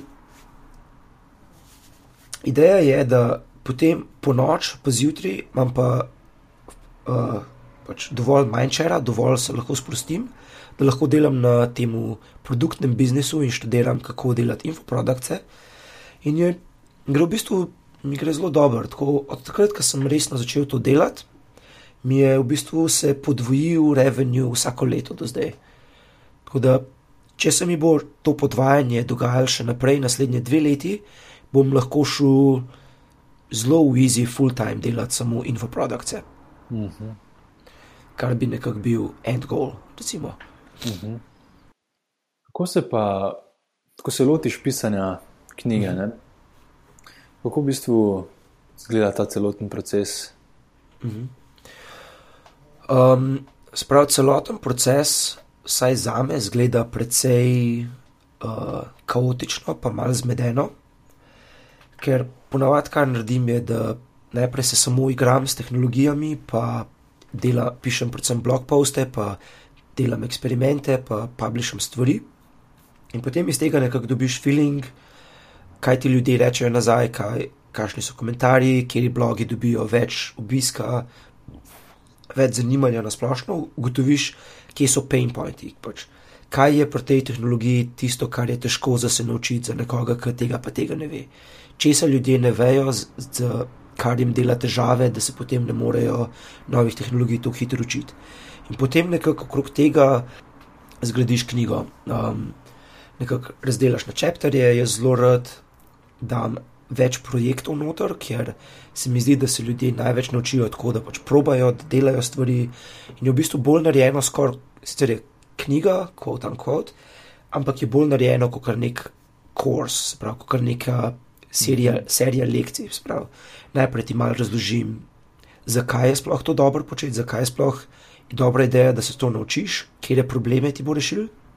Sprav, ne samo, hej, da se to nauči, ker je kul, cool, ampak če se to naučiš, boš lahko hitreje launčal produkte. Če se to naučiš, boš imel manj bugov na produkciji.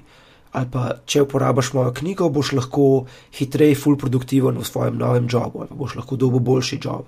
Tako naprej sprav ta why razložiš, jaz ga razložim, potlej pa malo teorije, to osnove, to, da vidiš, da veš nek skeleton framework, na katero potem obešaš znanje, potem pa čim več projektov, čim več stvari, za, da jih dejansko skodiraš in te jaz pač vodim skozi. En projekt, kako iz nule nekaj zgradiš, da boš na koncu imel, wow, to pa ful dobro zgleda. Boš lahko pokazal frendu ali pa šefu in bo šef rekel, hej, to je pa ful dobro, mi moramo te tehnologije nujno uporabljati na naši firmi. In tako nekako pač s tem, ko delaš stvari, se največ naučiš in jaz probam tudi ljudi voditi skozi to, da čim več stvari naredijo, da se, da se naučijo skozi prakso, ne da samo berejo stvari. Mhm. Katere dele tudi outsourcaš? Prej si omenil, da imaš editorja. Mhm. Sprav. Sem svoje čase na blogu eksperimentiral z guest postanjem, pa z ljudmi, ki so bi, bi guest postali. In so mi zmeri vsi bralci rekli, da jim to ful ni všeč, da v njih postov, ki niso prav moji, jih sploh nikoli ne preberejo. Tako da tudi za dejanske potem učne materijale, pa za stvari, ki jih prodajam, sem nekako rekel, meni se zdi, da je moj core ability oziroma moja glavna stvar, ki jo jaz lahko doprinesem, je to, da jaz to napišem. Ker iz nekega razloga, ki ga jaz ugotavljam, ki ga še ne vem, je ljudem všeč moj stil pisanja, moj stil, kako podajam snov, to jim full sede. Oziroma, ljudem, ki kupujejo od mene, full sede, kako točno, specifično jaz predavam, pa specifično jaz pišem. Mhm. Ker če mi ne bi bilo všeč, bi jih kupil od nekoga drugega. Um, In potem, kar outsourcam, je pač editing, pa publishing. Se pravi, recimo za vse svoje bloge, jaz napišem blog, pa ga pošljem svojemu editorju in ga v bistvu moj editor malo popravi, pa ga da na. Pa ga on da na internet, pa on poišče kakšno sliko za zraven, pa on naredi Facebook ad, pa vse te zadeve, on mi sestavlja mail, uh, tedenske mailing liste, kjer pač vse moje članke da skupaj, pa jih pošle. Zato, ker to so stvari, ki berajo full časa ampak niso pač jaz lahko pametnejše stvari počnem, kot se eno uro ukvarjam s tem, da dejansko pol zgleda dobro na WordPressu. Um, pa recimo zdaj, zadnjih par mesecev, imam virtual assistant, ki mi pravi, VA je kot da bi imel tajnico, samo da se nikoli ne vidi v živo. In njen, njen glaven job je, da bere vse moje maile in jih nekako organizira. Uh, Mava sistem, da je daje maile v urgent, sprav maile, ki jih moram takoj pogledati, v maile, ki jih moram danes pogledati, pa v maile, ki jih moram ta teden pogledati. Uh, kar se v praksi potem zgodi, je, da urgent maili so maili, ki jih pogledam danes ali pa jutr, today maili so maili, ki jih pogledam ta teden, maili, ki naj bi jih pogledal ta teden, so pa tako, mogoče bom enkrat prišel do njih. Um, kar ni, ni najbolj lepo od mene, ker mi dejansko ljudje pišejo, pa bi bilo zelo lepo od mene, če bi jim hitro odgovoril, pa tako naprej. Ampak se mi zdi, da je moja glavna vloga, da pač raziskujem stvari, da se učim nove tehnologije in da potem pišem o tem in da proizvajam dober kontent ne pa to, da se ukvarjam s tem, da uh, rekruterjem govorim, hej, sorry, ne iščem nove službe, ali pa da gledam čez 100 mailov, kjer jih 10 ima dejansko kaj pomembnega, in tako naprej. Um, tako da nekako pač v tem side huslu iščem stvari, ki so, ki tako rekoč niso vredne mojega časa. Se pravi, rad bi se ukvarjal samo s stvarmi, ki jih res ne more noben drug razen jaz početi. Mhm.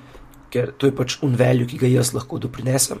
Potem rabiš pa druge ljudi, ki lahko druge stvari poskrbijo, ker dejansko jih bojo tudi oni boljši naredili, kot bi jih jaz. Se pravi, ne samo, da je izguba mojega časa, da to delam, ker imam pomembnejše stvari za početi, ampak tudi nekdo drug, ki, mu, ki ga pač plačam, da to počne, jih bo boljši naredil, kot jih lahko jaz naredim. Mhm. Ampak od samega začetka si te stvari delal sam, ja. in si potem počasneje, počasi, ko si zadeva rasla, iskal ljudi. Ja, ja okay. tako da. Uh, pač nimam nobenega full time, ker tudi jaz nisem full time, ampak probam čim. Zl, v bistvu sem še zmeraj zelo slab v outsourcanju, še zmeraj preveč stvari hočem delati sam, ampak pač to počasi se naučiš. Mhm.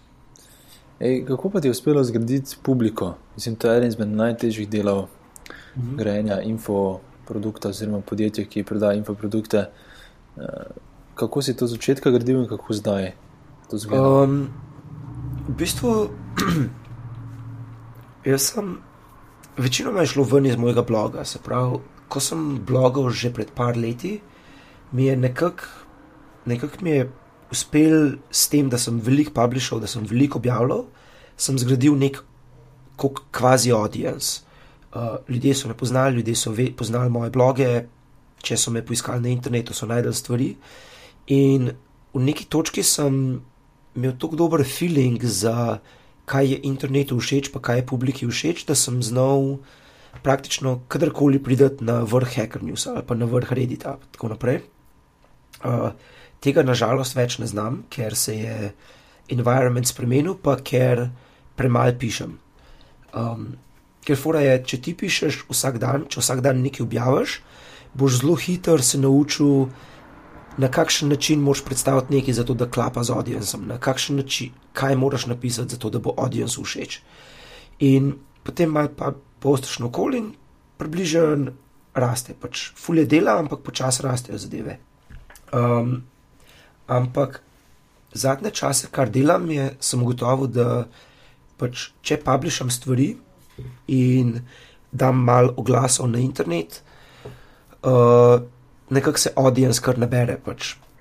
Kar delam, je moj, moj osnoven princip, je to, da čist samo iz search engine, ker imam toliko veliko konta na svojem blogu, search engine me najdejo, ko pač ti iščeš karkoli v JavaScriptu ali pa tako ali pa stvari, ki sem jih včasih blogal, pač najdeš moj blog. Potem te pa ponavadi probam dobiti v moj mail, tako da ti rečem, hej, lej, subscribi se na moje maile in ti bom jaz pomagal biti boljši inženir. Um, in se folk prijav in jim potem počasi piše maile in nekako gradiš to zaupanje z svojim audiencem. Za tiste, ki se pa ne subscribijo na moje maile, Uh, imam pa retargeting na Facebooku, kjer vsakeč, ko objavim nov članek, ga dam na Facebook in dam mehen boost, tako ne vem, en dolar, dva dolarja za članek in ga probam marketati samo, pač oglas pošljem samo vsem, ki so bili v zadnjih tok pa tok dnevih na mojem sajtu. Se pravi, če ti prideš na moj sajt, te bojo potem v bistvu moji članki, ti bojo sledili okol po internetu in boš dobil feeling, kar da me poznaš. Uh, Nekako ta familiarity se, bo, se zgradi, in potem, ko boš naslednjič imel nek problem z stvarjo, za katero veš, da sem jaz objavil knjigo ali pa da delam kurs ali karkoli, boš rekel: ja, tam pa poznam enega svisca, ki je to. Ki je govoril veliko temu, in pogledaš, in potem okul, in kupaš. In tako se nekako prek tega, tako imam tak zelo fazi funnel, ki ga zelo slabo merim, ampak nekako sem ugotovil, da je korelacija med tem, da več kot objavljam stvari, več kot dajem stvari ven, boljš se nekako audience kar pojavi, ker jim je všeč, ker jim je všeč moj voice, ker jim je všeč moj content, in potem tudi nekako salesi rastejo ven iz tega. Uh, kar pa še ugotavljam, je pa kako to dejansko delati, načrtno, pa kako meriti. Tako da po eni strani bi se lahko rekel, da mi je po nesreči rad zgraditi audience. Um, kako pa postavljaš cene za svoje produkte? In uh, zanimivo je, da si se odločil za knjigo. Ne? Zakaj knjiga, ne video? Ker tudi video, se mi zdi, da si krat uh, ima že percepcijo, da je neka dražja zadeva in bi lahko mogoče več računal za to. Um, zato, ker jaz osebno se nikoli nisem uspel še nič naučiti iz videa. In uh, sicer sem zdaj začel delati več na videih, zato ker ljudem so fulu všeč videi. Ampak se mi še zmeraj zdi, da ko ti se hočeš neke detajle naučiti, je še zmeraj boljš tekst, ker ga lahko skeniraš, lahko greš naprej in nazaj, lahko srčaš. Video je pa zelo tako, kul je za ljudi, ki rabijo nek guidance ali pa ki jim je všeč to, da nekdo govori. Ampak zelo slab je pa za dejansko se nekaj naučiti, se mi zdi. Tako da, kar zdaj eksperimentiram, je, da imam dvo da imam dvojen kontent, se pravi, da isto stvar objavim kot video in kot blog post. In potem eni pogledajo video, eni preberejo post. In tudi za to knjigo zdaj delam novo izdajo, bom zraven naredil točno isti kontent, samo v video obliki. In tisto bo potem tudi za več darja. Boš testiral. Ja. Ja. Um, ti si poznan po mislim, da je to malo povezano, zato bom zdaj kar to temo načel in se pač poznam si po klobuku, ptiču in da se ja. vse posod podpišeš za svizec. So te reči povezane, torej to uh, publishing, pa grajenje osebnega brenda, pa blog uh, z tem imidžem. Ja, je nek, do neke mere povezan. Dejansko sem začel klobuk nositi, ker se mi je zdelo, da rabam en hook, po katerem se me ljudje zapomnijo. Uh, kar je zelo praktično. Se mi je že recimo zgodil, da sem bil na konferenci in je nekdo čist random prišel do mene in rekel: Hej, ti si pa un model s klobukom, videl sem te, videl sem en tvoj tok v tem pa tem videu na YouTubu, tako dve leti nazaj. In pač to kul je, če imaš nek tak hug, da si te ljudje zapomnijo, ker ljudje si načeloma ne zapomnijo tok, točno od koga so neki brali in ne zapomnijo si, od koga so se neki naučili, razen če imaš neki huk, neki po čemer se te lahko zapomnijo. Uh, zdaj ptiče pa pač zelo na random, malo spunco, malo ptiča in on je mi pač teži zraven, ko delam in ko sem na videu, je pa še on zraven. Mhm. Ampak si ga zgleda, ljudje tudi zapomnijo. Tako dejansko sem opazil, ko live kodam, če je ptič pri meni, grejo številke uh, kdo me live gleda, grejo gor, pa pa ko gre priš stran, grejo številke dol. Zanimivo. Um, ja, ampak ja, pač dejansko je, je povezan do neke mere, pač to, da imaš nek huk. Ne? Mhm. Se mi zdi, da je zelo pomemben, da se ti ljudje v izi zapomnejo. Torej, to v bistvu na nek način je načrtno, po drugi strani pa je tudi, da se je zgodilo, da torej, ta ptič ja. pač. Ja, pač na doma. pač nikoli ne moreš vsega uh, načrtovati, mm -hmm. ampak pač probaš random stvari in ene od teh stvari delajo. Mm -hmm. uh, Svisec, imam še par um, končnih vprašanj. Mm -hmm.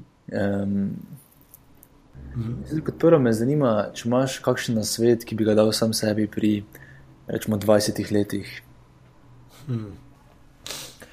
Um, v bistvu bi rekel, sam sebi pri 20 letih bi rekel, da moram faks bolj resno vzeti, kot sem ga.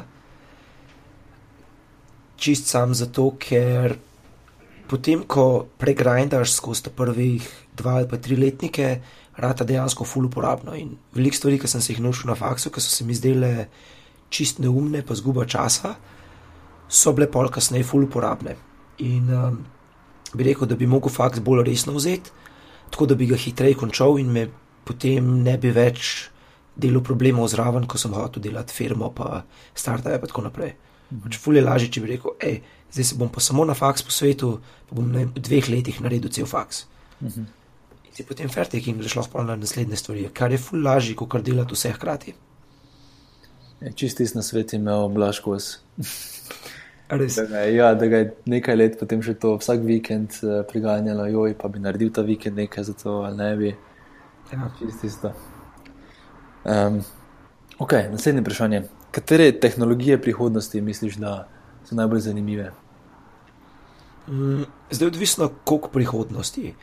Uh, pač Mislim, da smo se že vsi sprijaznili s tem, da bomo imeli električne avto v parih letih, pa po mojem, v največ desetih letih se bojo avti sami vozili.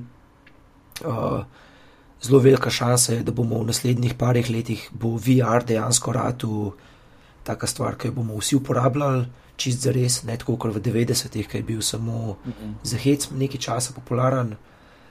Um, Drugač, bolj long term je pa ful težko reči. Zdi se mi, da na področju zdravstva se bojo v naslednjih 20-30 letih ful hude stvari zgodile.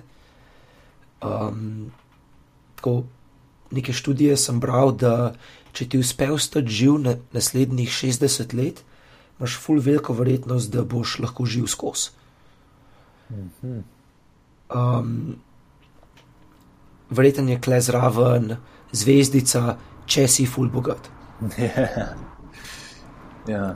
Um, ampak tako pač za te medium to short term se mi zdi, da nazaj bomo web dobili na mest Apple na telefonih, bo web, web je zdaj začel spet ful nazaj pridobivati, VR bo zgleda dejansko zadeva, switchali bomo vse na elektriko, zgleda pa tako no.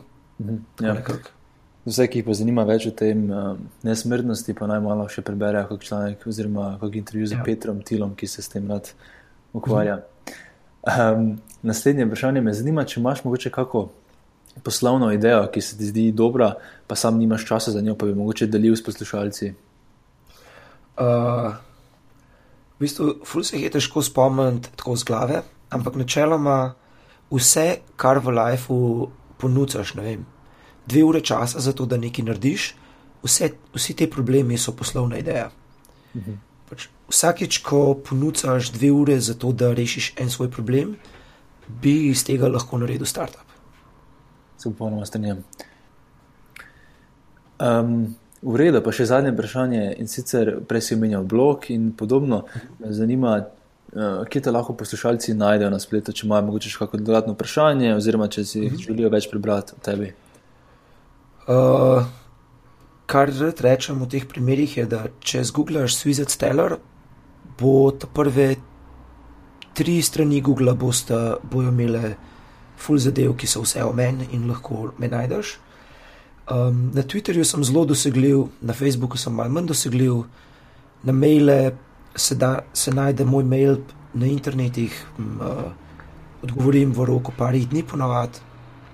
Uh, drugače pa swizzards.com, tam imam blog gor, objavljam na YouTubu, sem zadnje čase, tako da se me da najdete zelo easy. Samo moj ime napišeš na Google in me zihar najdeš. In tudi jaz vključujem še povezavo mm, uh mhm. -huh. v notes. Tako, najlepša hvala, Svizi, za čas, da si, si vzel um, tako pozno zvečer uh, čas, da smo se slišali. Um, hvala za priliko. Hvala še enkrat. Tako. To je vse v današnji epizodi. Če ti podcast za kulise všeč, te vabim, da se prijaviš na mailing listu na zakulisi.com, da boš obveščen ob objavi naslednje epizode. Zaenkrat se je izkazalo, da je ena epizoda na dva tedna dobra frekvenca, tako da bom kar nadaljeval s tem.